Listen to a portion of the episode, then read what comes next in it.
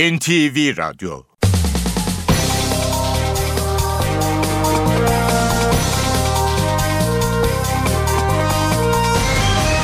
İşe Giderken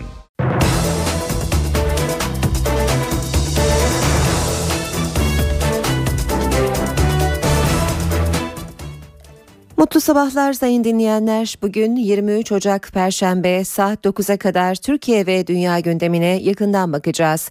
Ayrıntılara geçmeden önce başlıklarla başlayalım. Kayseri'de bir yolcu otobüsü şarampole yuvarlandı. İlk belirlemelere göre 13 kişi yaşamını yitirdi.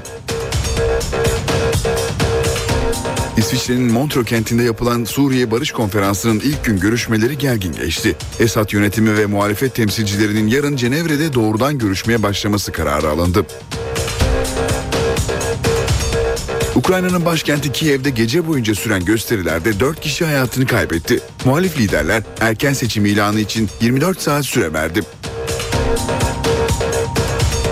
Adalet Bakanı Bekir Bozdağ, Adana'da durdurulan 3 tırla ilgili olarak Türkiye'yi Suriye'deki terör örgütlerine yardım ediyormuş gibi gösterme gayretine girenlerin çabası beyhudedir dedi.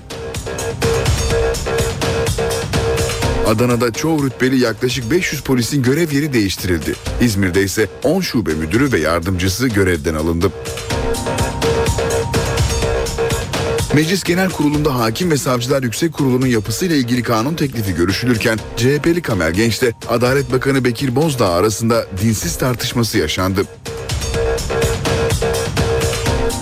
Siirt'te operasyonlarda ele geçirilen kaçak akaryakıtın depolandığı alanda gece yangın çıktı. Saatlerce süren yangın uzun uğraşlar sonucu söndürüldü. Galatasaray ile Elazığspor arasında oynanan kupa maçında sarı kırmızılı takımın futbolcusu Aydın Yılmaz'ın ayak bileği kırıldı. Galatasaray maçı 1-0 kaybetti. Futbol Federasyonu'nun yeniden oynanmasına karar verdiği Kasımpaşa Beşiktaş maçı ile ilgili iki kulübün yaptığı itirazları tahkim kurulu bugün karara bağlayacak. İşe giderken gazetelerin gündemi.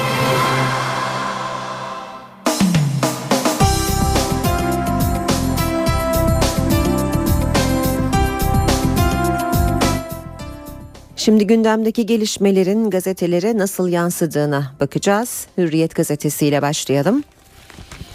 Balyoza hızlı hakim diyor Hürriyet manşette. Yeni atanan Ahmet Korkusuz ilk celsede dava bitiren sonraki yıla sıfır dosya devretmesiyle ünlü bir hakim.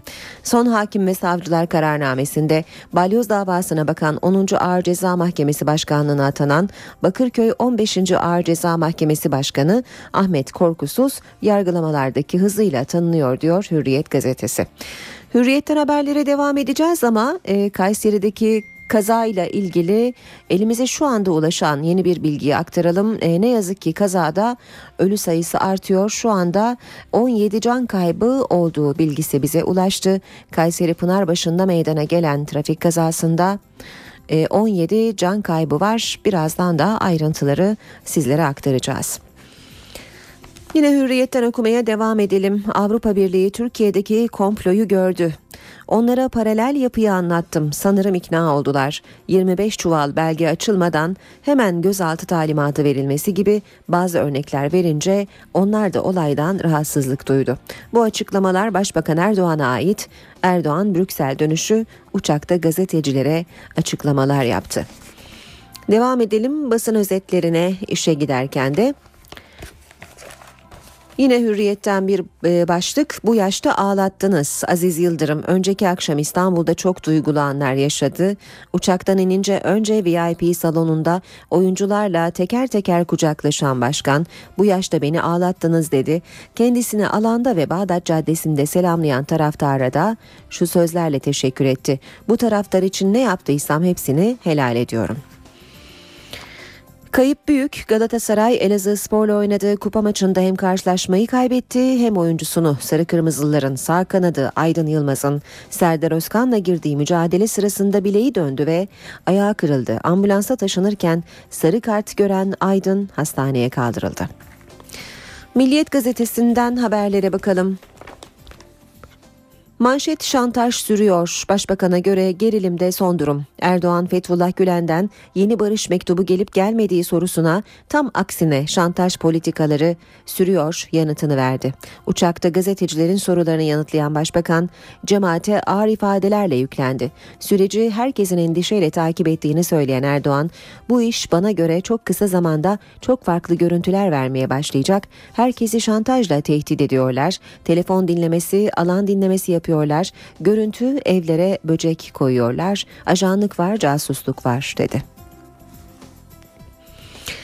Başlar başlamaz Esad kavgası, Suriye'de rejim ve muhalefeti yüz yüze getiren Cenevre 2 toplantısının ilk gününe Esad tartışması damga vurdu.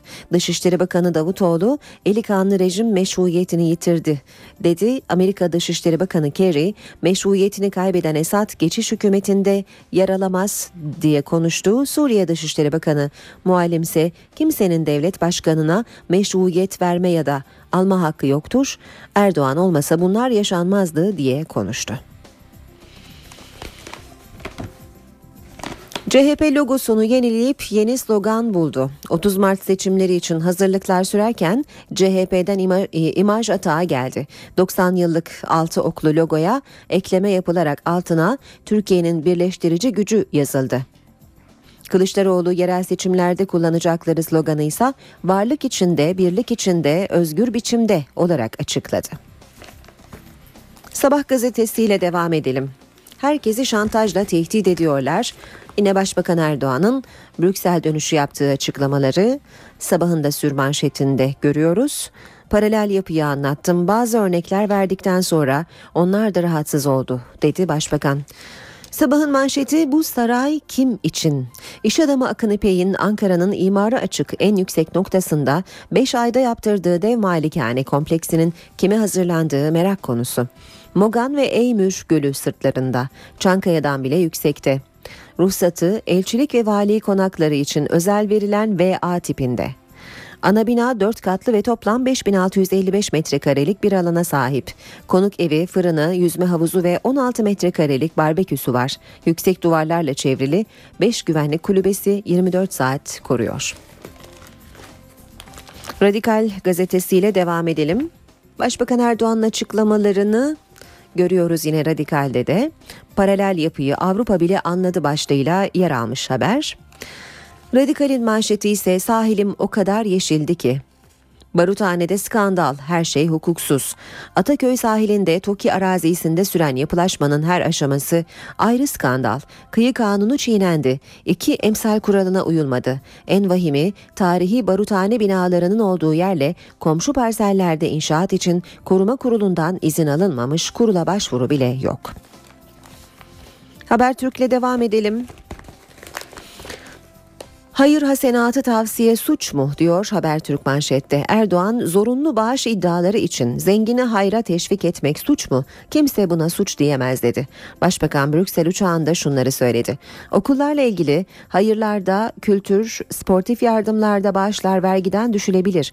Çünkü hayrı hasenatı tavsiye etmiş oluyorsunuz. Buna suç diyemez kimse. Maliyenin 74 milyarlık kaygısı. Halk şikayet etti. Anayasa Mahkemesi Maliye Bakanı'na sordu. Hiç verginin vergisi olur mu? Dernekler ÖTV'den ve e, ÖTV'den KDV alan Maliye Bakanlığı'nı Anayasa Mahkemesi'ne şikayet etti. Anayasa Mahkemesi bakan ve bürokratları savunmaya çağırdı. Maliye Avrupa'da da var. Bu yıl 16 milyar alacağız. 11 yılda tahminen 74 milyar topladık dedi. Bir ayda 5 bin polis diyor Habertürk. Ankara'da 470, İstanbul'da 71 polis gitti. Emniyetteki tayinler sürüyor. Dün Ankara'da 470 polis, Eskişehir'de 2 müdür yardımcısı, İzmir'de 12 müdür ve yardımcısı görevden alındı. İstanbul'da da 71 polis tayin oldu. 17 Aralık'tan beri İstanbul, Ankara ve İzmir'de 3 bin, yurt genelinde 5 bin polisin yeri değişti. Cumhuriyete bakalım. HSYK sopa oldu diyor manşeti Cumhuriyet'in. CHP lideri imbat tutanağını ibret belgesi olarak dünyaya duyuracaklarını açıkladı. Kılıçdaroğlu Adalet Bakanlığı Müsteşarı'nın tehdit ettiği Başsavcı Hüseyin Baş'ın görevden alınmasını yargıya adaletsizlik gölgesi düştü sözleriyle değerlendirdi. CHP lideri HSYK şu anda Adalet Bakanı'nın bile değil müsteşarının kontrolünde. Müsteşar iktidar sopasını kullanıyor. HSYK da buna boyun eğiyor dedi diyor Cumhuriyet Gazetesi haberinde. Ukrayna'dan ölüm haberleri. Kiev'de radikal gruplarla polis arasında günlerdir yaşanan gerginlik önceki gece ve dün meydana gelen ölümlerle daha da tırmandı. Polise yanıcı madde atan bir gösterici 13 metre yükseklikten aşağı düşüp yaşamını yitirirken diğer 3 kişi silahla öldürüldü. Yeni Şafak'a bakalım mühürlü çuvalları anlattım diyor Yeni Şafak manşette. Avrupa Birliği Troikası'na 17 Aralık süreci ve paralel yapıyı anlattığını söyleyen Başbakan Erdoğan, ikinci dalgada 25 çuval belgenin mührü açılmadan gözaltı talimatı gibi örnekler verdikten sonra onlar da rahatsız oldu dedi. Sürmanşette Yeni Şafak'ta elleri kanlı utanmazlar başlığını görüyoruz. Davutoğlu Türkiye'yi suçlayan muhaliflere terörist diyen Suriye Dışişleri Bakanı'na böyle cevap verdi. Zaman gazetesi paralel devlet iddiası Avrupa Birliği ikna etmedi diyor. Başbakan Erdoğan'ın Brüksel'deki temaslarında Türkiye'deki sorunların hukukun üstünlüğü çerçevesinde çözüleceği konusunda Avrupa Birliği liderlerine teminat vermesi olumlu karşılandı. Ancak yolsuzluk operasyonu sonrasında yaşanan görevden almalar, paralel devlet ve HSYK kanunu değişikliği ile ilgili tezleri muhataplarınca kabul görmedi. Ve Star'a bakacağız. Paralel yapıyı Avrupa Birliği de anladı diyor Star e, manşetinde. Başbakan Erdoğan Brüksel'de Avrupa Birliği Konseyi, Komisyonu ve Avrupa Parlamentosu başkanlarına paralel devlet yapılanmasını örneklerle anlattığını söyledi deniyor haberin devamında. Bitiriyoruz böylece basın özetlerini. Kayseri Pınarbaşı'ndan gelen trafik kazasına uyandık bu sabah. Ne yazık ki bu kazada 17 e, can kaybı var. Kayseri'de bir yolcu otobüsü şarampole yuvarlandı. 24 kişi de yaralı kazada. Kayseri'nin Pınarbaşı ilçesi yakınlarında meydana geldi kaza. Yolcu otobüsü Pınarbaşı Gürün Karayolu'nun 35. kilometresinde şarampole yuvarlandı.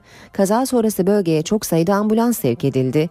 Vinç yardımıyla kaldırılan otobüsün içinden çok sayıda ölü ve yaralı çıkarıldı. Yaralılar Pınarbaşı Devlet Hastanesi'ne kaldırıldı. İlk bulgulara, bilgilere göre 17 can kaybı var kazada 20'den fazla da yaralı.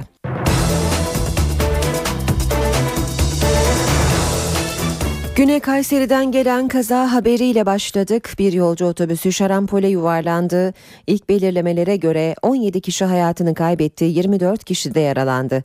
Kaza Kayseri'nin Pınarbaşı ilçesi yakınlarında meydana geldi. Yolcu otobüsü Pınarbaşı Gürün Karayolu'nun 35. kilometresinde şarampole yuvarlandı. Kaza sonrası bölgeye çok sayıda ambulans sevk edildi. Vinç yardımıyla kaldırılan otobüsün içinden çok sayıda ölü ve yaralı çıkarıldı. Yaralılar Pınarbaşı Devlet Hastanesi'ne kaldırıldı. 17 olan ölü sayısının artmasından endişe ediliyor. Kazaya buzlanmanın neden olduğu sanılıyor. İşe giderken Adalet Bakanı Bekir Bozdağ'dan Adana'da durdurulan 3 tırla ilgili açıklama geldi. Bakan Bozdağ, MIT'in yasal görevini yerine getirdiğini belirtti. Adalet Bakanı, Türkiye'yi Suriye'deki terör örgütlerine yardım ediyormuş gibi gösterme gayretine girenlerin çabası beyhudedir dedi. Adana'da e, arama yapılmak istenen tırla ilgili görüntülerden biz de fevkalade rahatsızız. Adalet Bakanı Bekir Bozdağ'dan Adana'da durdurulan tırlarla ilgili açıklama geldi. Meclis Genel Kurulu'nda konuşan Bozdağ, MIT'in görevlerini yapamaz noktaya getirildiğini söyledi. Bir ülke düşünün ki kendi Milli İstihbarat Teşkilatı kendi ülkesinin içerisinde yasalarla verilmiş rutin görevlerini yapma noktasında böylesi bir muameleye maruz kalsın. Yasalar ne görev veriyorsa o görevler yapılıyor. Adalet Bakanı El-Kaide ve El-Nusra gibi terör örgütlerine yardım yapılıyor mu sorusuna da sert tepki gösterdi. Bunlar beyhude çabalardır. Bir netice alması mümkün değildir. Çünkü böyle bir yardım asla yapılmamıştır. Yapılması da söz konusu değildir. Yolsuzluk ve rüşvet operasyonuna da değinen Bozdağ, soruşturmaların üzerinin kapatılmadığının bir kez daha altını çizdi. Başlayan soruşturmaların üzerinin kapatılması, örtülmesi kesinlikle mümkün değildir. Bu soruşturmalar hukuk çevresinde işleyecektir ve sonuçta yargının öngördüğü mekanizmalar çerçevesinde de karara bağlanacaktır. Meclis Genel Kurulu'nda devam eden Hakim ve Savcılar Yüksek Kurulu'nun yapısında değişiklik öngören kanun teklifinin görüşmelerinde zaman zaman tansiyon yükseldi. Genel Kurulda dinsiz tartışması yaşandı. Bu arada AK Parti'nin son dakika düzenlemesiyle teklifin birinci maddesi metinden çıkartıldı. Hem İmam Hatip mezunusunuz hem de hukuku bitirmişsiniz. Size biraz daha dürüst bir aslında fikir teşekkür etmesi lazım. Tam dinsiz olmuşsunuz ya. Benim dinimi, benim imanımı tartmaya Kamer Genc'in kıratı yetmez. Hakim ve Savcılar Yüksek Kurulu'nun yapısını değiştiren yasa teklifinin görüşüldüğü Meclis Genel Kurulu'nda bu kez de dinsiz tartışması çıktı. CHP'li Kamer Genç'in hem Adalet Bakanı Bekir Bozdağ hem de Adalet Komisyonu Başkanı Ahmet İyimaya'ya yönelik sözleri genel kurulda tansiyonu yükseltti. En az, en az onların inançsızlığı kadar veya inancı kadar benim inancım da değerlidir. Ben Sayın Bozdağ kadar, Sayın İma'ya kadar kibar olamam. Eğer birisi benim inancımı sorgular, benim inançsız olarak söylerse ona ağza alınmayacak lafları söylerim. Görüşmeler sırasında muhalefetin yolsuzluk operasyonuna ilişkin sözleri de gerilimi arttırdı. Elinizi vicdanınıza koyun. 11 yıldır beraber yürüdüğünüz, beraber ıslandığınız insanlara bugün ne diyorsunuz biliyor musunuz? Çete diyorsunuz. İllerine gireceğiz diyorsunuz. Darmadağın edeceğiz diyorsunuz. Haşhaşiler diyorsunuz. 16 Aralık'ı 17 Aralık'a bağlayan gece mi o çete kuruldu? O gece mi kuruldu çete? Siz hepiniz oradaydınız be. Katılıyorum ilk kez başbakanınıza. Hırsız olmaktansa militan olmayı, hukukun militanı olmayı tercih ediyorum. Bugünkü HSYK Cumhuriyet Halk Partisi'nin eseridir. Bugünkü HSYK'nın vesayetli yapısını da size rağmen değiştireceğiz. Bu arada görüşmeler sırasında sürpriz bir adım da atıldı. AK Parti önergesiyle teklifin birinci maddesi metinden çıkartıldı. Böylece Yargıtay Başkanı veya Başsavcı olmak için 4 yıl, birinci Başkan Vekili, Daire Başkanı ve Başsavcı Vekili olmak için de 3 yıl Yargıtay üyeliği yapma şartı korunmuş oldu. Türkiye Barolar Birliği Hakimler ve Savcılar Yüksek Kurulu düzenlemesiyle ilgili önerisini açıkladı. Öneriye göre kurul ikiye ayrılmalı. HSYK, hakimler ve savcılar olarak ikiye ayrılmalı. Kurullara Yargıtay Başkanı ve Başsavcı Başkanlık etmeli. Kurullara üyeyi meclis 367 oyla seçmeli. Türkiye Barolar Birliği, Hakimler ve Savcılar Yüksek Kurulu'nun yapısına ilişkin öneri sundu. Öneriyi bir süre önce bel fıtığı ameliyatı geçiren Başkan Metin Feyzoğlu açıkladı. Kurumların ikiye ayrılması savcıların Yüksek Savcılar Kurulu'nda, hakimlerin de Yüksek Hakimler Kurulu'nda ele alınması bir zorunluluktur. Çağdaş olan budur. Baro, HSYK için rütük modelinden yana değil. Üye seçimini meclisin yapması öneriliyor. İktidarın ve muhalefetin uzlaşısını sağlayacak 2 bölü 3 nitelikli çoğunlukla meclisin üye seçmesi, belli sayıda üye seçmesi kabul edilmelidir. Barolar Birliği'nin önerisine göre siyasi iradeyi temsil eden bakan ve müsteşar kurumda yer almamalı. İkili yapıda hakimlere Yargıtay Başkanı, savcılara Yargıtay Başsavcısı başkanlık etmeli. Adalet Bakanı'nın ve bakanlık müsteşarının doğal üyelik pozisyonuna son verilmelidir. Tartışmıyoruz bile bunu. Görev süresi dolan üyeler istedikleri yerde hakim ve savcılık yapabilecek. Mevcut haliyle kurula 3 üye atayan Cumhurbaşkanı her iki kurula da birer üye atayabilecek. Bakanlığa bağlı Adalet Akademisi kurula üye seçemeyecek. Başbakanlıkta bulunan dinleme cihazı yansıtıcılarının Yargıtay'da bulunduğu iddiasına yalanlama geldi. Yargıtay Başkanlığı söz konusu iddia ile ilgili bilgi ve bulguya rastlanmadığını açıkladı. Açıklamada somut delil gelmesi durumunda gereğinin yapılacağı da vurgulandı. Yargıtay Başkanlığı kurumumuz yasal olmayan eylemler karşısında her türlü hukuki ve fiili yardımda bulunmaya hazırdır ifadesine de açıklamasında yer verdi. 17 Aralık operasyonundan sonra emniyette başlayan değişim sürecinde yeni gelişmeler var. Ankara'da çoğu rütbeli yaklaşık 500 polisin görev yeri değiştirildi. İzmir'de ise 10 şube müdürü ve yardımcısı görevden alındı. 17 Aralık operasyonunun ardından emniyetteki görev değişiklikleri sürüyor. Ankara Emniyet Müdürlüğü'nde 470 müdür yardımcısı, amir ve memurun görev yeri değişti. İzmir'de ise iki emniyet müdür yardımcısı görevden alındı. İzmir Emniyetinde iki emniyet müdür yardımcısının yanı sıra 10 şube müdürü ve müdür yardımcısı başka görevlere atandı. Ataması yapılan isimler arasında İzmir'deki liman işletmelerine yönelik operasyonu gerçekleştiren Mali Suçlarla Mücadele Şube Müdür Yardımcısı Metin Tuncer de bulunuyor. Liman operasyonu sonrasında İzmir Emniyet Müdürü Ali Bilkay görevden alınmış, yerine Kastamonu Emniyet Müdürü Sami Uslu getirilmişti. Ankara'da ise görevden alınan 470 memurla birlikte 17 Aralık operasyonunun ardından görev yeri değiştirilen emniyet mensubu sayısı 1000'i aştı. Görevden alınan 470 kişinin kaçakçılık ve organize şube, asayiş, mali şubede istihbaratta görev yapan amir, komiser düzeyinde rütbeli polisler olduğu bildirildi. Ankara Emniyetinde İl Emniyet Müdürü Kadir Ay başta olmak üzere müdür yardımcıları, tüm şube müdürleri ve ilçe emniyet müdürleri görevden alınmıştı. Amerika'da yayınlanan Wall Street Journal gazetesi Gülen cemaati lideri Fethullah Gülen'le elektronik posta ile yapılan röportajın tamamını yayınladı. Gülen röportajda değerlerimiz ve duruşumuz değişmedi. Demokrasinin savunucuları olmaya devam edeceğiz diyor. Gülen verdiği cevaplarda ittifak değerler ve ilkeler etrafında olur. AKP dönemi boyunca demokratikleşme reformlarını destekledik ve antidemokratik hareketleri eleştirdik ifadesini kullandı. Gülen polis ve yargıdaki görevden almalar için de birkaç ay öncesine kadar kahraman olarak alkışlanan yargı ve polis gücü üyelerinin soruşturma yapılmaksızın görev yerlerinin değiştirilmesi ironik bir durum dedi. Gülen yeniden yargılama konusunda da uyarıda bulundu. Bu evrensel bir insan hakkı ama niyet binlerce duruşmanın hükümlülerini tamamen feshetmekse bu tarz bir hareket yargı sisteminin güvenilirliğine zarar vereceği gibi son 10 yılda elde edilmiş demokratik kazanımları da tersine çevirir diye konuştu. NTV Radyo Ukrayna'da süregelen siyasi kriz başkent Kiev'i savaş alanına çevirdi. Dün gösterilerde 4 kişinin ölmesi sonrası muhalefet devlet başkanına ultimatom verdi. Muhalif liderler bu gece yarısına kadar erken seçim ilan edilmesini istiyor. Ukrayna'nın başkenti Kiev'de tansiyon düşmüyor. Hükümet karşıtı göstericilerle güvenlik güçleri arasındaki çatışmalardan dün can kaybı haberi geldi. Polis göstericilere ateş açılmadığını iddia etse de savcılık en az iki kişinin vurularak öldürüldüğünü doğruladı. Dün gece kalabalığa seslenen muhalif liderler devlet başkanı Yanukovic'e erken seçim ilanı için 24 saat süre verdi. Akan kanı durdurmak için her şeyi yapacağım. Cumhurbaşkanına tekrar sesleniyorum. Bu sorunu çözebilme etkisine sahipsin. Erken seçim ilanı akan kanı durdurmaya yetecektir.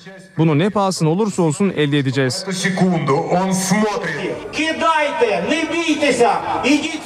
Bu yolu 24 saat daha yürüyeceğiz. İstediğimizi alamazsak hep birlikte hücuma geçeriz. Gerekirse vurulup ölürüz. En azından dürüst ve cesur bir ölüm olur. Dün polisin yıktığı barikatlar gece yeniden kuruldu. Ateşe verilen barikatlar Kiev kent meydanını aydınlattı. Güvenlik güçleriyle çatışmalar sabaha kadar devam etti. Devlet Başkanı Viktor Yanukovic'in Avrupa Birliği ile işbirliği anlaşmasını imzalamaktan vazgeçmesi ve Moskova yanlısı bir siyaset izlemesi Kiev sokaklarında iki aydır aralıksız protesto ediliyor. İsviçre'nin Montreux kenti tarihi bir buluşmaya ev sahipliği yaptı. Suriye Barış Konferansı'na ev sahipliği yaptı Montreux. Ülkede savaşan taraflar bu konferansta ilk kez yan yana geldi. Barışçıl çözümün yolları arandı. Konferansın ilk gününden çıkan karar Esad yönetimi ve muhalefet temsilcilerinin Cenevre'de doğrudan görüşmelere başlamaları oldu. İsviçre'nin Montreux kentinde başlayan Suriye Barış Konferansı'nın ilk günü gergindi. Esad rejimi yetkililerini ve muhalifleri ilk kez bir araya getiren konferansta Beşar Esad'ın geleceği konusundaki tartışmalar sert geçti. Muhalifler Esad'ın iktidarda kalmasını kabul etme isterken Suriye Dışişleri Bakanı Velid Muallim olanlardan muhalifleri sorumlu tuttu. Türkiye'yi teröre destek vermekle suçladı. Tansiyonun yüksek olduğu toplantıların ardından Birleşmiş Milletler Genel Sekreteri Ban Ki-moon kameraların karşısındaydı. Esad'ın geleceğine Suriye halkı karar vermeli. Güven artırıcı önlem olarak Suriye hükümeti tutukluları serbest bırakmalı. Görüşmelerin Montreux ayağında Türkiye'yi temsil eden Dışişleri Bakanı Ahmet Davutoğlu artık Esad'ın Suriye'yi hem ahlaki hem de siyasi olarak yönetme meşruiyeti ve kudreti kalmamıştır dedi. Davutoğlu, Suriye Dışişleri Bakanı Velid Muallim'in Türkiye'ye yönelik eleştirilerini ise kabul edilemez olarak niteledi. Amerika Birleşik Devletleri Dışişleri Bakanı John Kerry de Beşar Esad'ı bir terör mıknatısı olarak tanımladı. Suriye'yi teröristler için bir mıknatısa dönüştüren Esad'tan başkası değil. Yaptıkları yüzünden Esad meşruiyetini kaybetti. Birinin aniden çıkıp peki tamam Suriye'yi yönetebilirsin diyebileceğini kim düşünebilir ki? Rusya Dışişleri Bakanı Sergey Lavrov ise güven artırıcı önlemlere öncelik verilmesini istedi. Cenevre'deki müzakereler bir hafta sürebilir dedi. Barış konferansı görüşmeleri yarın Cenevre kentinde sürecek. Dün İsviçre'de barış konferansı sürerken Suriye'de şiddet olayları hız kesmedi. Halep ve başkent Şam çevresinde muhaliflerle Esad yönetimi birlikleri arasında yoğun çatışmalar yaşandı. Ülkede El-Kaide bağlantılı gruplarla muhalifler arasındaki çatışmalar da sürüyor. Suriye'de son 3 yılda ölenlerin sayısı 130 bini buldu. Milyonlarca kişi de şiddet olayları nedeniyle evlerini terk etti. Öte yandan Suriye tarafındaki çatışma ve bombalı saldırılar nedeniyle sınır kapılarından geçişler yapılamıyor. Cilve gözü başta olmak üzere sınır kapılarında uzun araç kuyrukları var. Nakliyeciler sorunun çözümü için devrede. Akçakale'de ise çatışmadan kaçan onlarca Suriyeli sınırda bekletiliyor. Kayseri'de bir yolcu otobüsü şarampole yuvarlandı. İlk belirlemelere göre 17 kişi yaşamını yitirdi. İsviçre'nin Montreux kentinde yapılan Suriye Barış Konferansı'nın ilk gün görüşmeleri gergin geçti. Esad yönetimi ve muhalefet temsilcilerinin yarın Cenevre'de doğrudan görüşmeye başlaması kararı alındı. Ukrayna'nın başkenti Kiev'de gece boyunca süren gösterilerde 4 kişi hayatını kaybetti. Muhalif liderler erken seçim ilanı için 24 saat süre verdi. Adalet Bakanı Bekir Bozdağ, Adana'da durdurulan 3 tırla ilgili olarak Türkiye'yi Suriye'deki terör örgütlerine yardım ediyormuş gibi gösterme gayretine girenlerin çabası beyhudedir dedi. Adana'da çoğu rütbeli yaklaşık 500 polisin görev yeri değiştirildi. İzmir'de ise 10 şube müdürü ve yardımcısı görevden alındı. Meclis Genel Kurulu'nda Hakim ve Savcılar Yüksek Kurulu'nun yapısıyla ilgili kanun teklifi görüşülürken CHP'li Kamer Genç'te Adalet Bakanı Bekir Bozdağ arasında dinsiz tartışması yaşandı. Siirt'te operasyonlarda ele geçirilen kaçak akaryakıtın depolandığı alanda gece yangın çıktı. Saatlerce süren yangın uzun uğraşlar sonucu söndürüldü. Galatasaray ile Elazığspor arasında oynanan kupa maçında sarı kırmızılı takımın futbolcusu Aydın Yılmaz'ın ayak bileği kırıldı. Galatasaray maçı 1-0 kaybetti. Futbol Federasyonu'nun yeniden oynanmasına karar verdiği Kasımpaşa Beşiktaş maçıyla ilgili iki kulübün yaptığı itirazları tahkim kurulu bugün karara bağlayacak.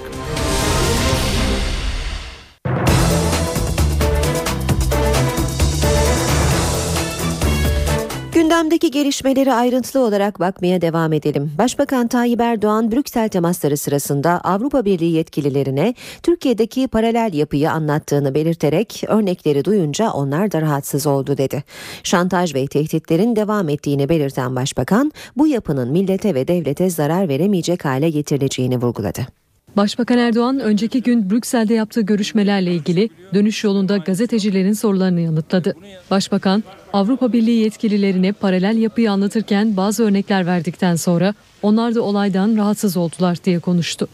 Erdoğan, HSYK düzenlemesinin hukuki yanlışlıklara mani olmak için yapıldığını belirtti. Paralel yapı şantajla tehdit ediyor dedi. Benim genel başkan yardımcıma yaptılar. Telefon dinlemesi yapıyor, görüntü alıyorlar. Evlere böcek koyuyorlar. Başbakan Erdoğan gazetecilerin hala yapıyorlar mı sorusuna da tabii niye hoplamaya başladılar yanıtını verdi. Adana'daki tır durdurma olayına işaret etti.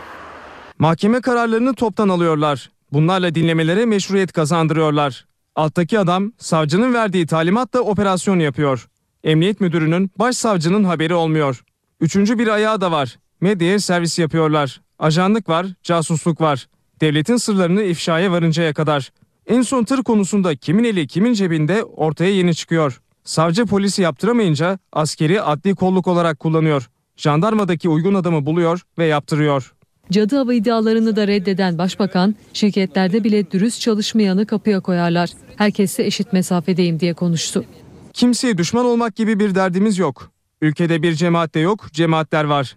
Nereden gelirse gelsin meşru olan bütün taleplere mümkün mertebe hep olumlu cevaplar verdik.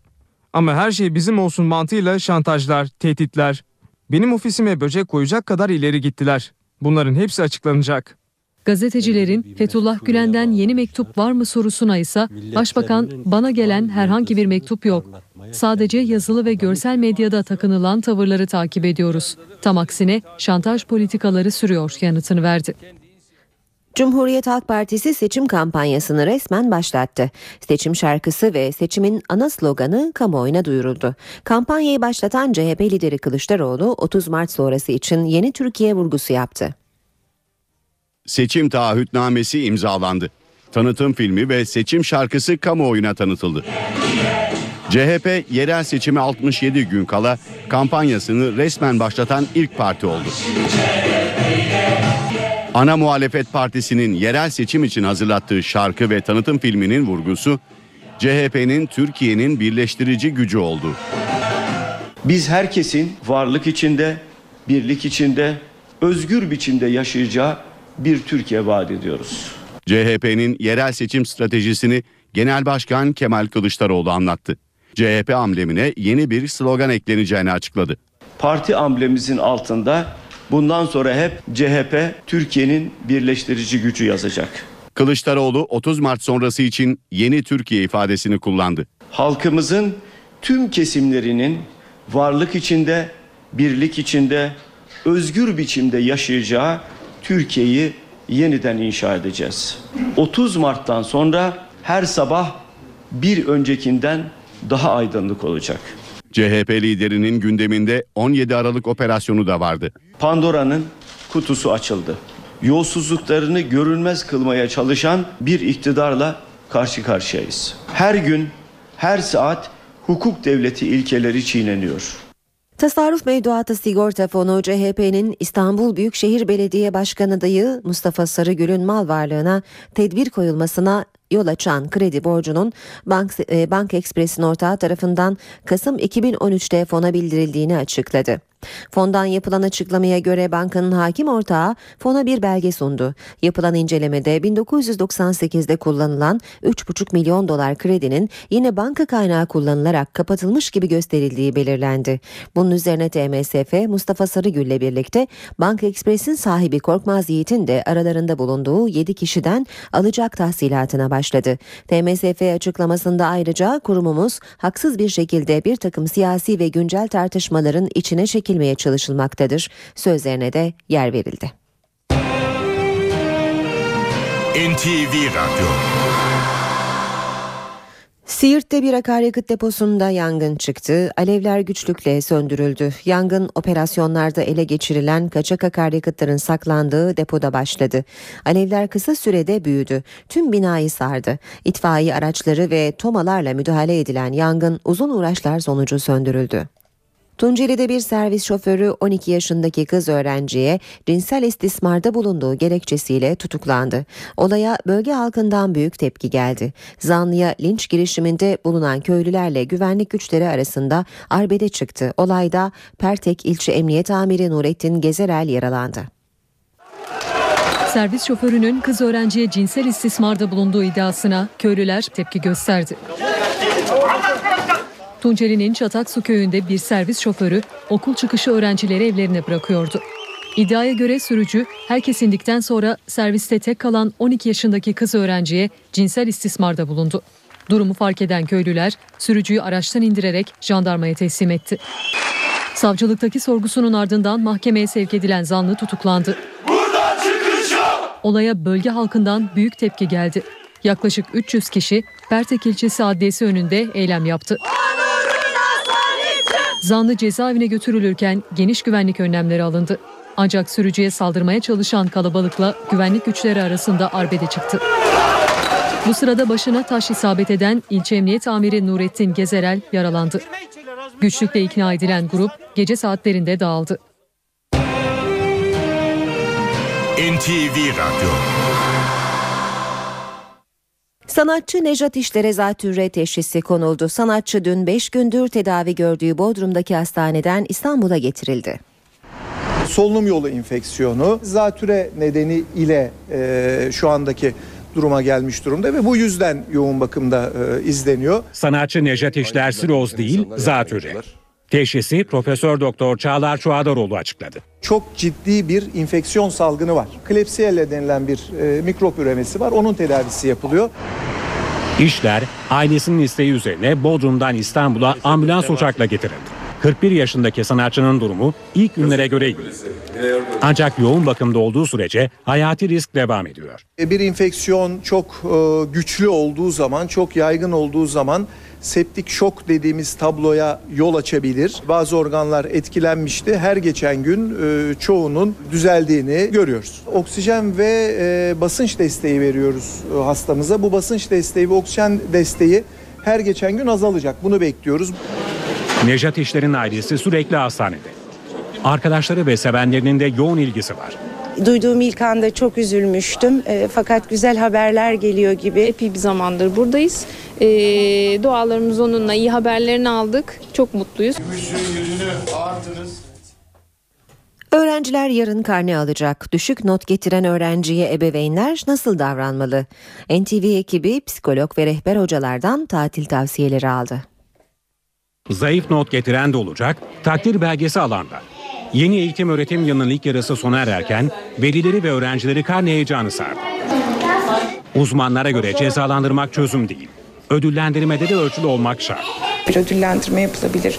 Ee, çocuğa aferin demek, seninle gurur duyuyorum demek çok önemli. Ama hani bunu belki abartmamakta fayda olabilir. Bir cezalandırma yöntemi e, ben kesinlikle tavsiye etmiyorum. Bunu bir kan, e, karne sendromuna çevirmek, o tatil boyunca çocuğun cezalandırılması, sürekli ders çalıştırılması gibi durumlar ortaya çıkabiliyor. Ee, bu kötü bir seçenek. Peki yarı yıl tatili boyunca neler yapılmalı? Ailecek bir planlama yapılabilir. Nerelerde eksikler var, hangi derslerde e, bu çocuğun desteğe ihtiyacı var bunlar oturulup planlanabilir. Ödevlerini de yapmalılar, yetiştirmeliler.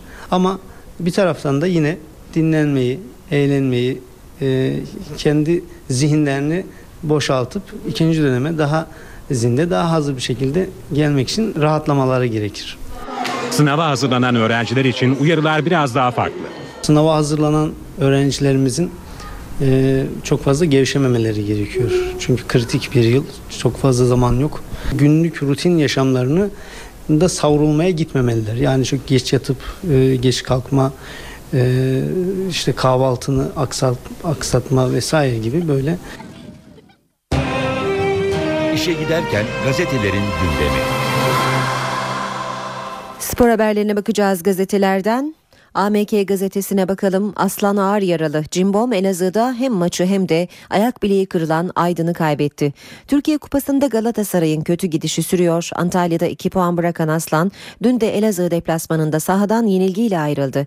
Cimbom'u yıkan golü 52. dakikada penaltıdan Serdar attı. Ayağı kırılan Aydın sezonu kapattı. Maçın son anlarında kırmızı kart gören Buraksa Antep önünde forma giyemeyecek diyor AMK. Bir diğer başlık Alex Teles herkesin dilinde. Galatasaray'a 4,5 yıllık imza atan Sambacı Yıldız 15 numaralı formayı giyecek. Aziz Yıldırım'ın açıklaması hakkımı helal ediyorum başlığıyla yer alıyor. Sabiha Gökçen'deki müthiş karşılama Aziz Yıldırım'ı çok duygulandırdı. Fenerbahçe Başkanı taraftarı hakkımı helal ediyorum dedi. Fanatikle devam edelim. Top başbakanda diyor sürmanşeti fanatiğin. Spor hukukçusu Emin Özkurt'tan e, açıklamalar var. Usule uygun şekilde işlerse Aziz Yıldırım'a tebligatın ulaşması 2-3 ayı bulur. O periyotta da başkanlığı sürer. Sayın Başbakan'ın dolayısıyla hükümetin söylem ve eylemleri yeniden yargılamanın kapısını aralayabilir. UEFA kulüplere cezayı kesmişti ancak kişilerle ilgili harekete geçmek için Yargıtay kararını bekliyordu. UEFA'nın Türkiye Futbol Federasyonu'na müdahale hakkı var fakat bu ihtimalin çok güçlü olduğu söylenemez.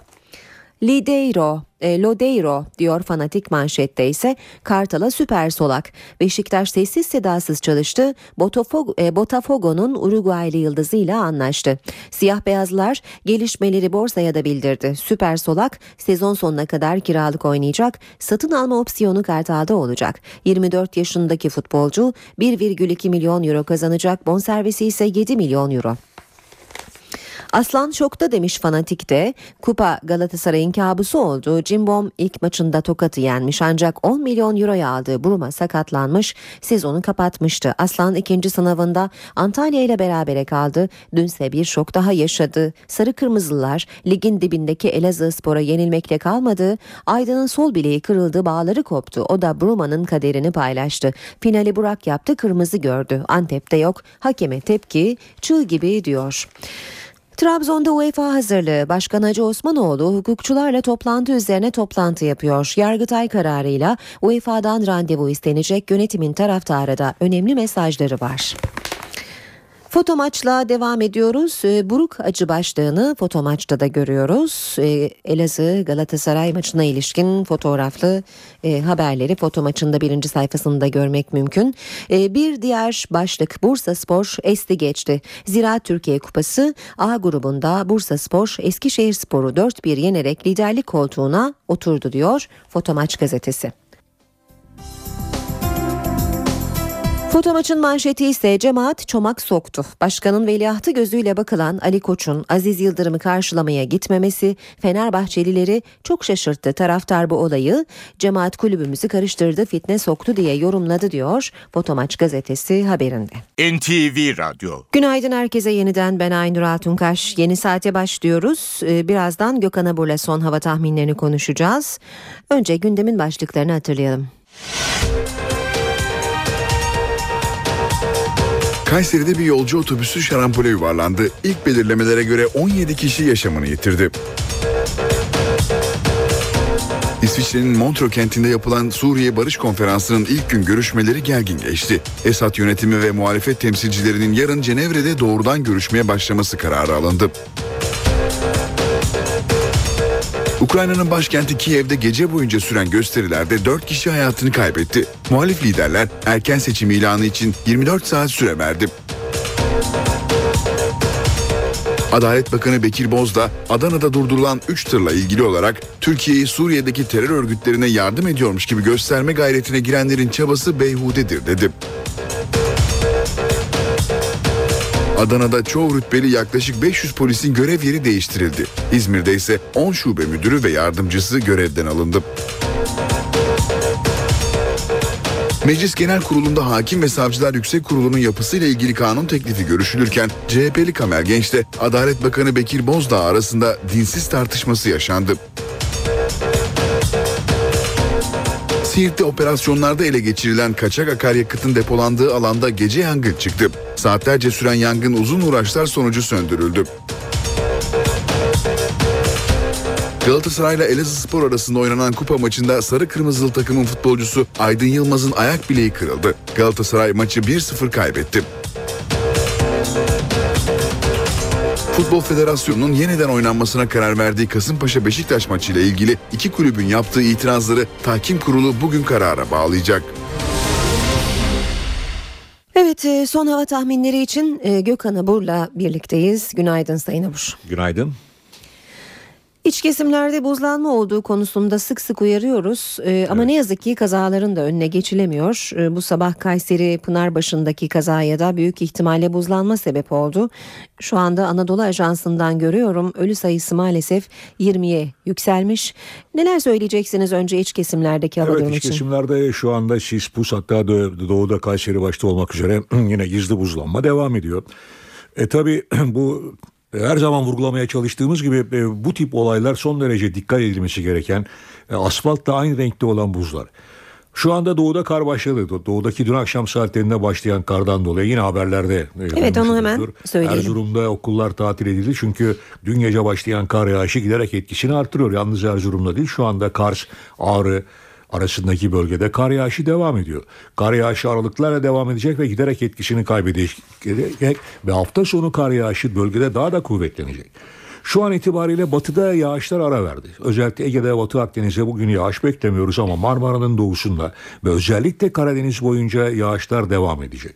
Şu an itibariyle Adapazarı civarı başta olmak üzere Marmara'da hafif yağışlar var. Önümüzdeki saatler içinde İstanbul'da da yağışın başlamasını bekliyoruz. Aralıklarla yağış olacak. Bugün için yağışlar özellikle Batı Karadeniz bölgesinde Kara, e, Zonguldak Bartın arasında, doğuda ise Giresun, Trabzon, Rize, Artvin arasındaki bölgede çok daha kuvvetli olacak. Gün içinde yine Kayseri, Sivas, Malatya arasında hafif yağış geçişleri var. Yine aynı şekilde güneyde de Gaziantep, Adıyaman arasında hatta Mersin, Adana arasındaki bölgede hafif yağışlar bekliyoruz. Asıl yağışlar yarın gelmeye başlayacak. Yarından itibaren batı bölgeleri etkisi altına almasını beklediğimiz yağışlar özellikle cumartesi günü Güney Ege ve Batı Akdeniz'de giderek kuvvetlenecek.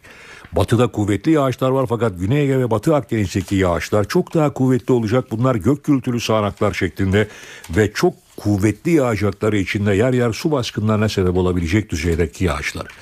Yağışlar hızlı bir şekilde hemen hemen ülkenin büyük bir çoğunluğunu etkisi altına alacak. İç kesimlerde yine yağmur şeklinde olan ama doğuya doğru gittikçe karla karışık yağmur ve kara dönecek yağışlar hafta sonu etkisini giderek arttıracak. Sıcaklıklar da pazar gününe itibaren Trakya'dan başlayarak azalacak. Bu azalışla birlikte özellikle pazar gecesi ve pazartesi günü Trakya'daki yağışlar karla karışık yağmur ve yükseklerde kara dönebilir. Bizleri bekleyen böyle bir hava var. Bu yağışlara ihtiyacımız var demiştik. Tahmin ediyorum ki hafta sonu en azından biraz da olsa çiftçimize ve üreticiye biraz da rahat nefes aldırabilecek düzeyde evet. yağış gelecek diye düşünüyorum. İşe giderken gazetelerin gündemi.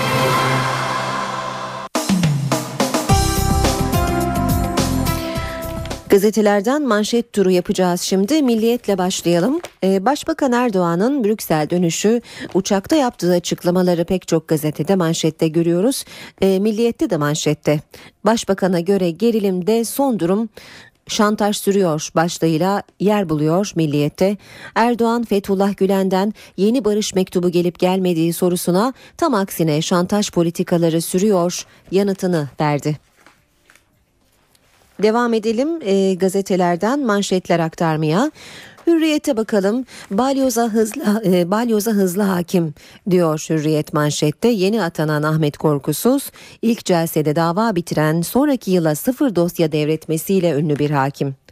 Son hakim ve savcılar kararnamesinde balyoz davasına bakan 10. Ağır Ceza Mahkemesi Başkanlığı'na atanan Bakırköy 15.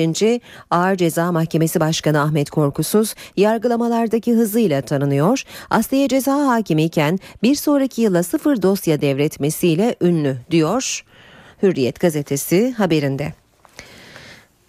Sırada Sabah gazetesi var. Manşet bu saray kim için? İş adamı Akın İpek'in Ankara'nın imara açık en yüksek noktasında 5 ayda yaptırdığı dev malikane kompleksinin kime hazırlandığı merak konusu. Mogan ve Eymir Gölü sırtlarında Çankaya'dan bile yüksekte. Ruhsatı elçilik ve vali konakları için özel verilen VA tipinde. Ana bina 4 katlı ve toplam 5655 metrekarelik bir alana sahip. Konuk evi, fırını, yüzme havuzu ve 16 metrekarelik barbeküsü var. Yüksek duvarlarla çevrili 5 güvenlik kulübesi 24 saat koruyor.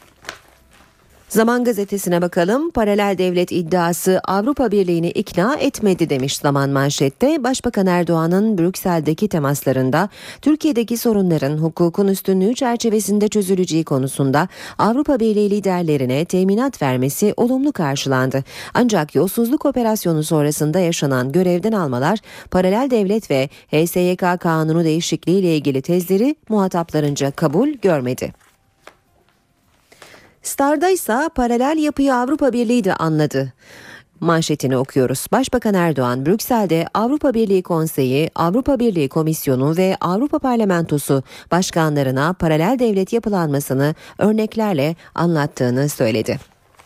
Yeni Şafak'ta da manşette mühürlü çuvalları anlattım başlığını okuyoruz. Avrupa Birliği Troikası'na 17 Aralık süreci ve paralel yapıyı anlattığını söyleyen Başbakan Erdoğan, ikinci dalgada 25 çuval belgenin mührü açılmadan gözaltı talimatı gibi örnekler verdikten sonra onlar da rahatsız oldu dedi. Sırada Habertürk var. Hayır hasenatı tavsiye suç mu diyor Habertürk manşette. Erdoğan zorunlu bağış iddiaları için zengini hayra teşvik etmek suç mu? Kimse buna suç diyemez dedi.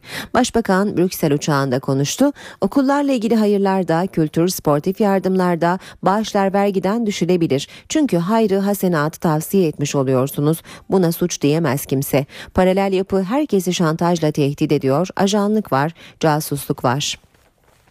Cumhuriyete bakalım. HSYK sopa oldu demiş Cumhuriyet manşette. CHP lideri imbat tutanağını ibret belgesi olarak dünyaya duyuracaklarını açıkladı. Kılıçdaroğlu Adalet Bakanlığı Müsteşarı'nın tehdit ettiği Başsavcı Hüseyin Baş'ın görevden alınmasını yargıya adaletsizlik gölgesi düştü sözleriyle değerlendirdi. CHP lideri HSYK şu anda Adalet Bakanı'nın bile değil müsteşarının kontrolünde. Müsteşar iktidar sopasını kullanıyor, HSYK da boyun eğiyor dedi. Radikalle bitirelim. Sahilim o kadar yeşildi ki diyor Radikal manşetinde. Ataköy sahilinde TOKİ arazisinde süren yapılaşmanın her aşaması ayrı skandal. Kıyı kanunu çiğnendi. İki emsal kuralına uyulmadı. En vahimi tarihi baruthane binalarının olduğu yerle komşu parsellerde inşaat için koruma kurulundan izin alınmamış. Kurula başvuru bile yok diyor Radikal haberinde. Bir ara vereceğiz başkent gündemini alacağız birazdan ama piyasalardan bir sıcak gelişmeyi de aktaralım. E, dolar güne rekorla başladı şu sıralarda 2.29.02'den işlem görüyor Amerikan doları. Kısa bir e, aramız var aradan sonra yine birlikteyiz.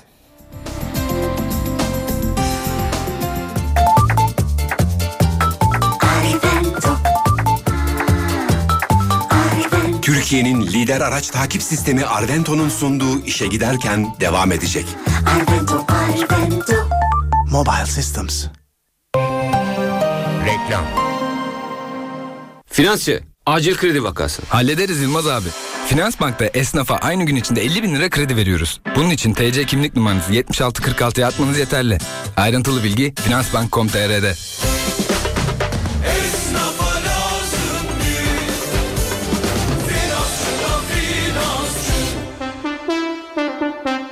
Çok geç kaldım, çok geç kaldım. Bu sabah trafiğinde patrondan önce işe nasıl yetişeyim ben? Yok mu açık bir yol? Hı. Navi.yandex.com.tr'yi tıkla, Yandex navigasyon uygulamasını ücretsiz indir. Al sana açık yol. Yandex'lesene.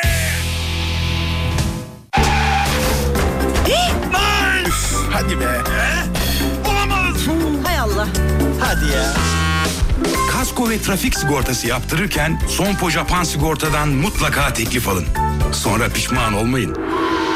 Sampo Japan. Hafta sonu ne yapıyorsun? Mesela kordonda balık keyfi yapmak için günübirlik İzmir'e gitmeye ne dersin? Hemen flypgs.com'u tıkla. 30 ülke, 76 noktaya çok uygun fiyatlarla uç. Hayat kısa. Pegasus'la yakala. BP ve WorldCard'dan muhteşem bir kampanya. 15 Ocak 28 Şubat arasında farklı günlerde 4 adet 75 liralık akaryakıt ya da otogaz alışverişi yapın. Bir sonraki 30 lira ve üzeri alışverişinizde 30 lira ekstra indirimi kazanın. Ayrıntılı bilgi worldcard.com.tr ve bp.com.tr'de.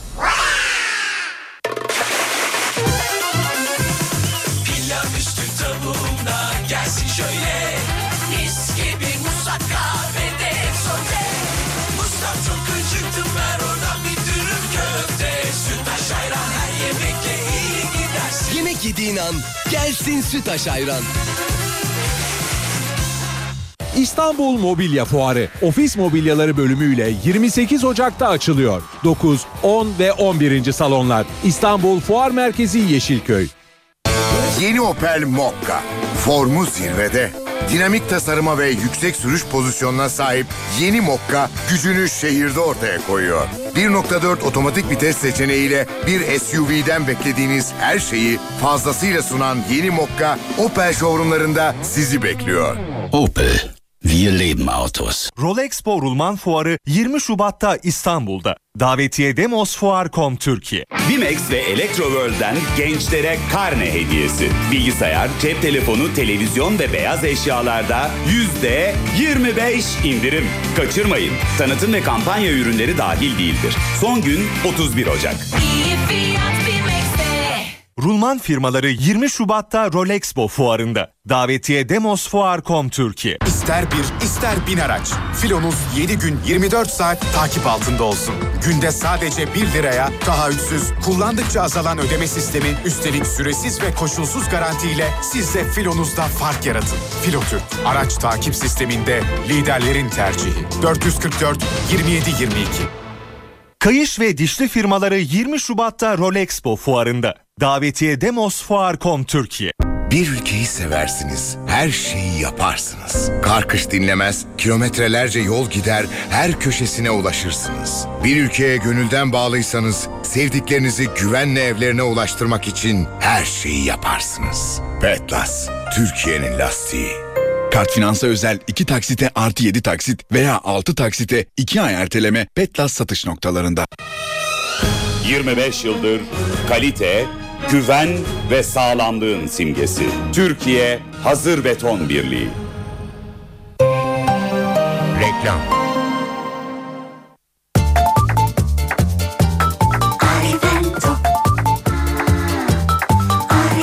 Türkiye'nin lider araç takip sistemi Arvento'nun sunduğu işe giderken devam ediyor. Mobile Systems. Saat 8.17 NTV Radyo'da işe giderken de birlikteyiz. Bu sabaha son dakikalarla başladık. İlki e, Kayseri Pınarbaşı'ndan gelen e, kaza haberiydi. Ne yazık ki ölü sayısı 20'ye yükseldi. Birazdan ayrıntıları vereceğiz.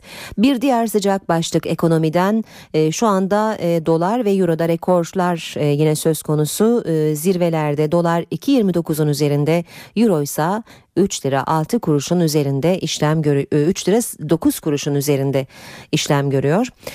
Ee, başkentin gündeminde de tabii sıcak başlıklar var. Ee, özellikle Başbakan Erdoğan'ın Belçika dönüşü yaptığı açıklamaları gazetelerde manşetlerde okuduk. Bakalım bugün neler konuşulacak. Ee, hemen Ankara'ya dönüyoruz. Karşımızda NTV muhabiri Gökhan Gerçek var. Günaydın Gökhan. Aynur günaydın. Ee, nedir takip edeceğiniz başlıklar bugün?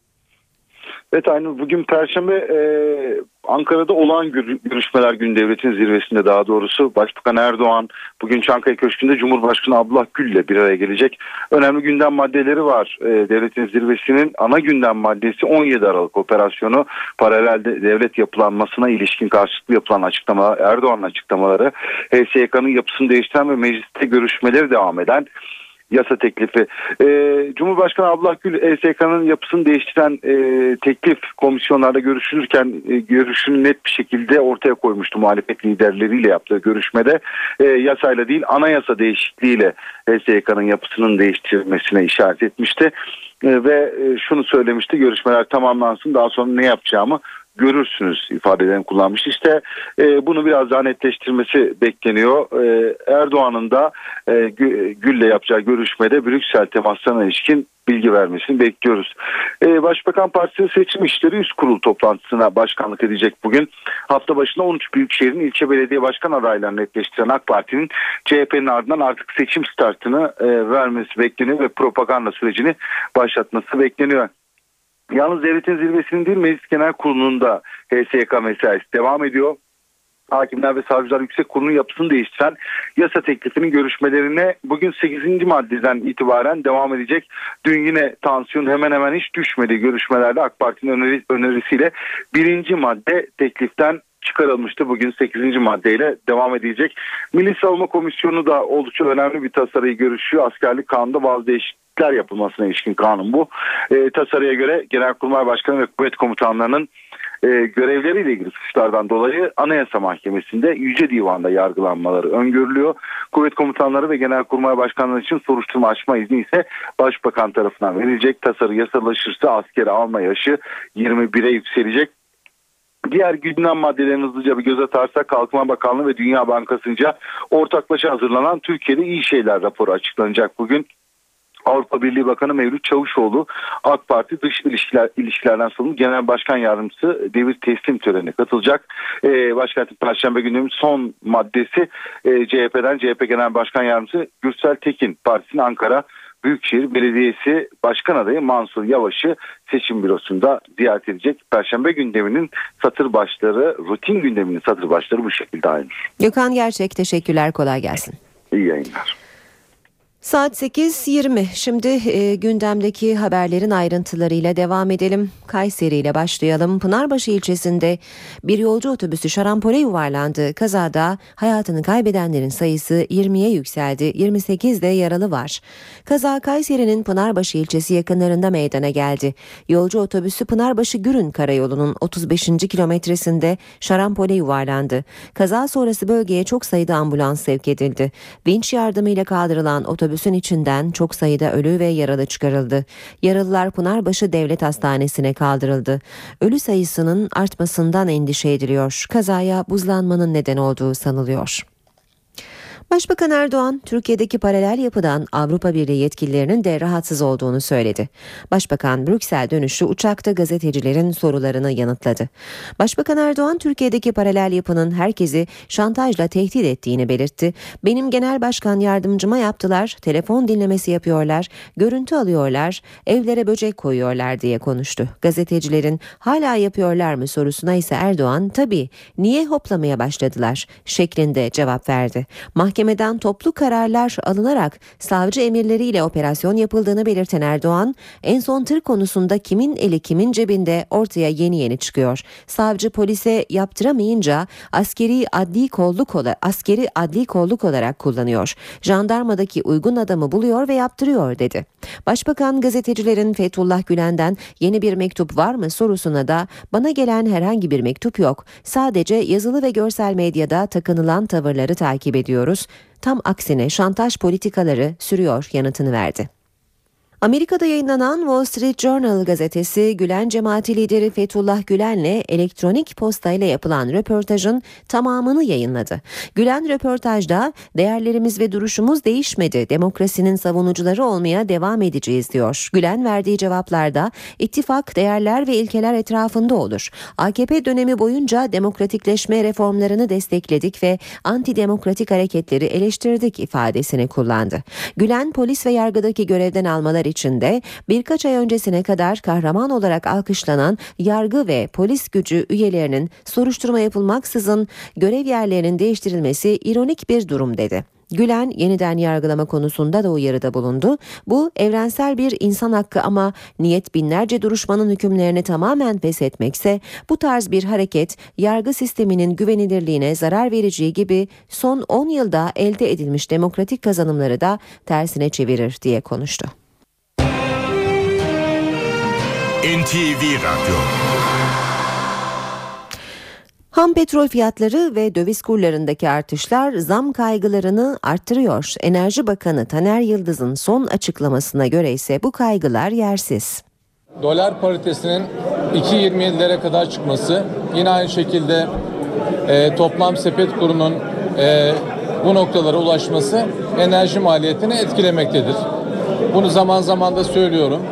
Şu anda e, siyasi gerekçelerle de değil ama teknik gerekçelerle biz bunu göğüslemeye çalışıyor ve gayret ediyoruz. O yüzden e, şu anda direniyoruz işin açığı ve inşallah Şubat ayında da doğalgaza zam yapmayacağımızı bir kez daha burada tekrar ediyorum.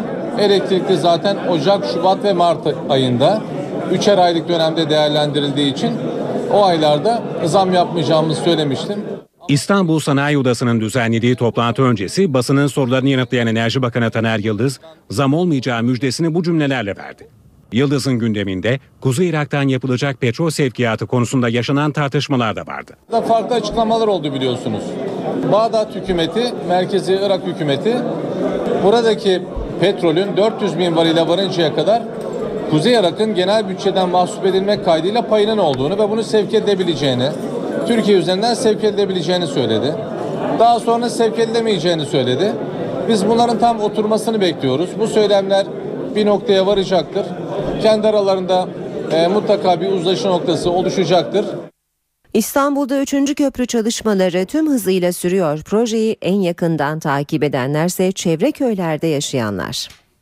Ayaklarının uzunluğu 170 metreyi buldu. 3. köprü ve Kuzey Marmara Otoyolu'nun gece gündüz süren çalışmaları çevre köylerde yaşayanların yakın takibinde. Müthiş bir hızla gidiyor. Burada metre metre takip ediyoruz. Projelerdeki bazı değişiklikler onları doğrudan etkiliyor. Göçmen kuşların yolunda kalıyor. O yüzden değiştirdiler. Yukarıya aldılar. Daha iyi oldu çünkü araziyi bölecekti. Arazi, arazi kalmayacaktı köyümüzde. Göç ederdik o zaman. Dedelerinden kalan arazilerin bir kısmı proje içinde kaldığı için istimlak edilecek. Tarımda kullanıyorduk. Şimdi Marmara Otoyolu geçince kullanamayacağız. İstimlak olacakmış. Daha bir mektup da gelmedi, bir haber de gelmedi. Otoyol geçecek diye bu sene ekmedik burasını. Eksek boşuna masraf yapacaktık. Yeşil alanlara verilecek tahribatın en aza indirilmesi için güzergahın bazı noktalarında tünel ve viyadükler yapılacak. Kamyonların ve iş makinelerinin mesaisi 24 saat aralıksız devam ediyor. Üçüncü köprü ve 260 kilometrelik çevre yolu projesi İstanbul'un günlük 50 bin tır ve kamyon yükünü alacak.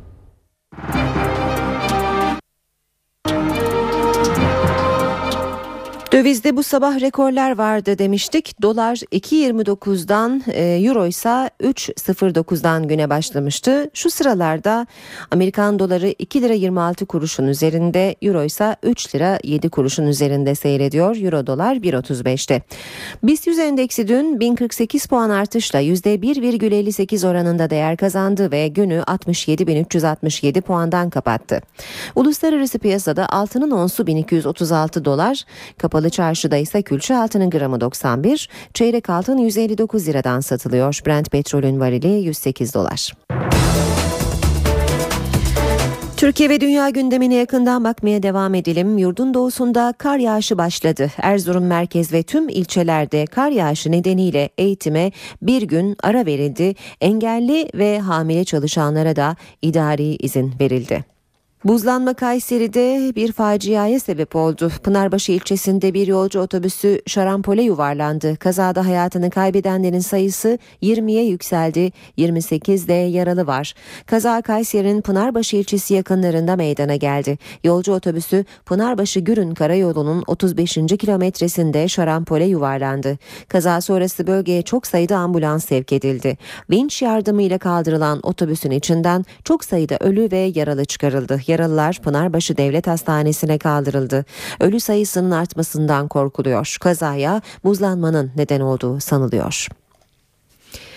Türkiye'de yaklaşık 10 milyon hipertansiyon hastası var. Hastaların %20'si ilaç kullanmasına rağmen tansiyonunu kontrol altına alamıyor. Yeni yöntem hastalara umut ışığı oldu.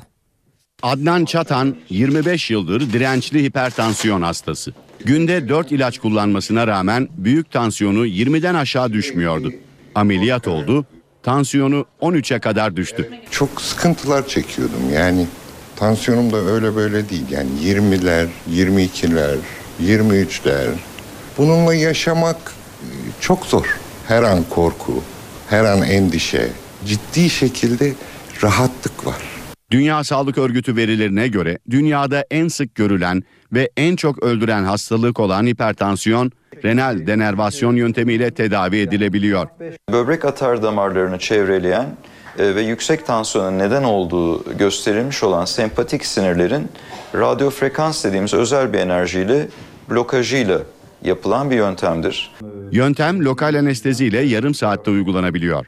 Yalnızca dirençli hipertansiyon hastaları faydalanabiliyor. Yaklaşık 3 veya daha fazla hipertansiyona yönelik ilaca rağmen büyük tansiyonu 140 seviyesi veya üzerinde olan hastalar dirençli hipertansiyon hastalarıdır.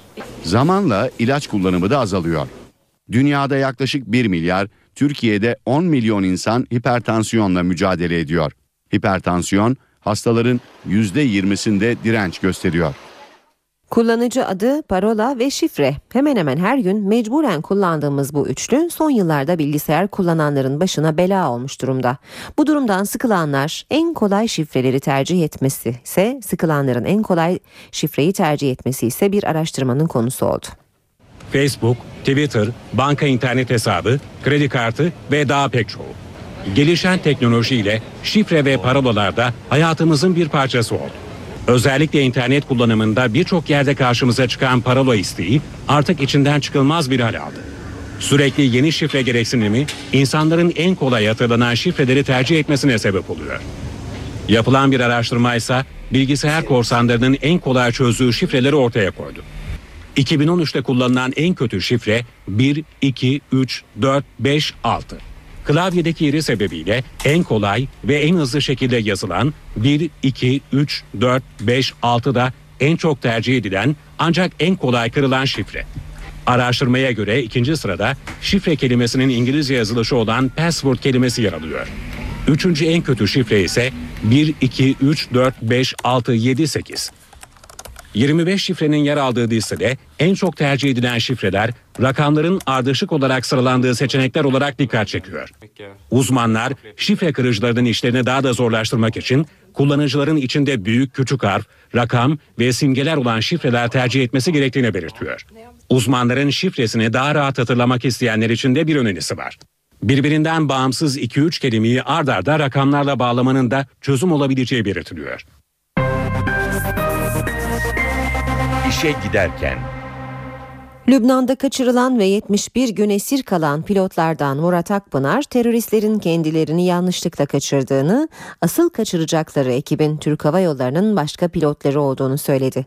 Pilotlar Murat Akpınar ve Murat Ağca yaşadıklarını kitaplaştırmayı planlıyor.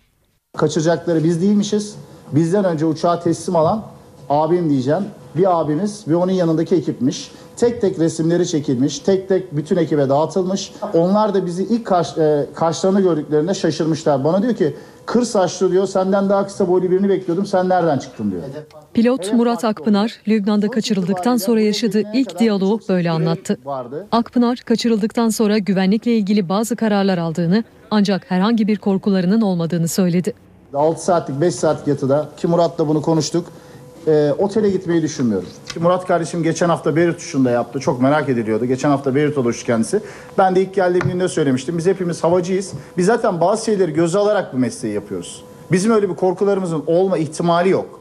Aynı uçuş ekibinden kaçırılan bir diğer pilot da Murat Ağca'ydı. E, Tavsiyem olay olduğu ilk andan son ana kadar sakinliklerini korumaları.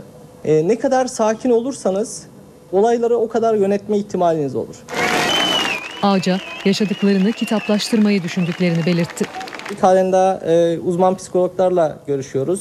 E, onların tavsiyeleri konusunda da ilerliyoruz. E, biz bu konuda zaten e, bir çalışma yapacağız. Kendimiz bir kitap e, yazacağız. E, bu kitabın içinde sizin bilmediğiniz ya da bildiğinizde şaşıracağınız çok detaylar, ayrıntılar da olacaktır. Pilotlar 9 Ağustos'ta Lübnan'ın başkenti Beyrut'taki otellerine giderken İmam Ziya'nın ziyaretçileri adındaki grup tarafından kaçırılmıştı. Murat Akpınar ve Murat Ağca 71 gün süren çabaların sonucunda 19 Ekim'de İstanbul'a getirilmişti. İsviçre'nin Montreux kenti Suriye Barış Konferansı'na ev sahipliği yaptı. Ülkede savaşan taraflar ilk kez yan yana geldi. Konferansın ilk gününden çıkan karar Esad yönetimi ve muhalefet temsilcilerinin Cenevre'de doğrudan görüşmelere başlamaları oldu. Toplantıdaki en dikkat çekici diyalog Suriye Dışişleri Bakanı ile Birleşmiş Milletler Genel Sekreteri arasında geçti. Birleşmiş Milletler'in ev sahipliğinde gerçekleştirilen konferansta Esad rejimiyle muhalifler ilk kez aynı masaya oturdu. Açılış konuşmalarında sert uslup kullanılması dikkat çekti. Suriye Dışişleri Bakanı Velid El Muallim konuşmasının süresini uzatınca ortam daha da gerildi. Uh, uh, Sayın Muallim özür dilerim. Konuşmanızı toparlamanızı rica ediyorum. 25 minutes.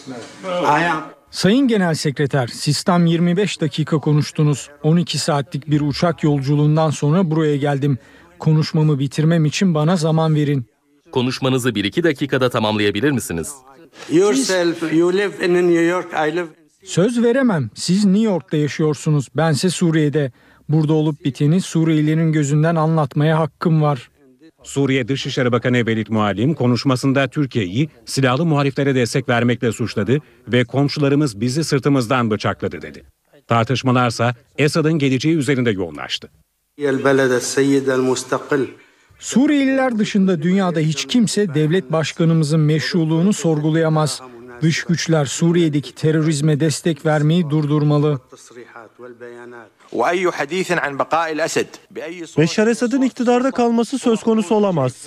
Böylesi bir müzakere barış görüşmelerinin sonunu getirir. Muhaliflerin Esad gitmeli açıklamasına Amerika Birleşik Devletleri ve Türkiye'den de destek geldi. Beşar Esad ve yardımcıları meşruiyetlerini yitirmiş kişiler olarak iktidarda kalamaz. Srebrenica'da işlenen suçlar gibi Suriye'deki suçlara ve acımasızlıklara imza atanlar da adaletle yüzleşecekler. Soçi'de düzenlenecek olan kış olimpiyatları öncesinde terör alarmı devam ediyor. Rus polisi saldırı hazırlığı içinde olduğuna inanılan bir kadın eylemcinin peşine düştü. Olimpiyatların olaysız geçmesi için Amerika Başkanı Obama da devreye girdi. Obama Moskova'ya güvenlik konusunda işbirliği teklifinde bulundu. Kış olimpiyatlarına ev sahipliği yapmaya hazırlanan Rusya, Karadul alarmında. Rus polisi saldırı hazırlığı içerisinde olduğu düşünülen 3 kadın intihar eylemcisini arıyor. Bunlardan biri Kuzey Kafkasya'nın Dağıstan bölgesinden Rusya'ya giden Ruzana İbrahimova. Ölen radikal dinci bir militanın eşi olduğuna inanılan İbrahimova'nın fotoğrafları Soçi'nin her tarafına asıldı. 30 binden fazla polisin görev aldığı Soçi'de güvenliği sağlamak için Amerika Birleşik Devletleri Başkanı Barack Obama da devrede. Rusya Devlet Başkanı Vladimir Putin'le görüşen Obama, el yapımı patlayıcıları tespit etmek üzere geliştirilen bir cihazı Moskova'ya verme teklifinde bulundu. Olimpiyatlar sırasında iki Amerikan savaş gemisi de Karadeniz'de hazır bulunacak.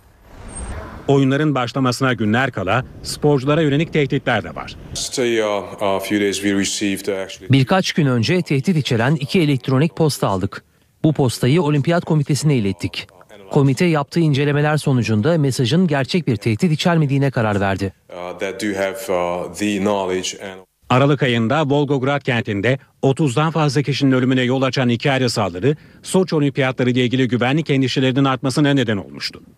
7 Şubat'ta başlayacak olan Soçi Kış Olimpiyatları 17 gün sürecek. Başını sokacak bir ev alabilmek için verilen mücadele bazı ülkelerde yaşamı oldukça zorlaştırıyor.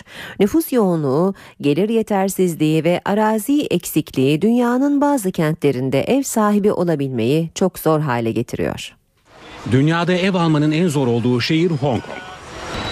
10 yıldır konut sektörüne yönelik anketleriyle bilinen Demografya şirketi uluslararası ev satın alma anketini tamamladı. Ev almanın en zor olduğu şehir olan Hong Kong'da son yıllarda konut fiyatları milli gelirden daha hızlı arttı. Araştırmaya göre Kanada'da yer alan Vancouver şehri de ev alma gücünün en düşük olduğu şehirler arasında yer aldı. Listenin 3. sırasında ise Amerika Birleşik Devletleri'nin San Francisco şehri yer alıyor.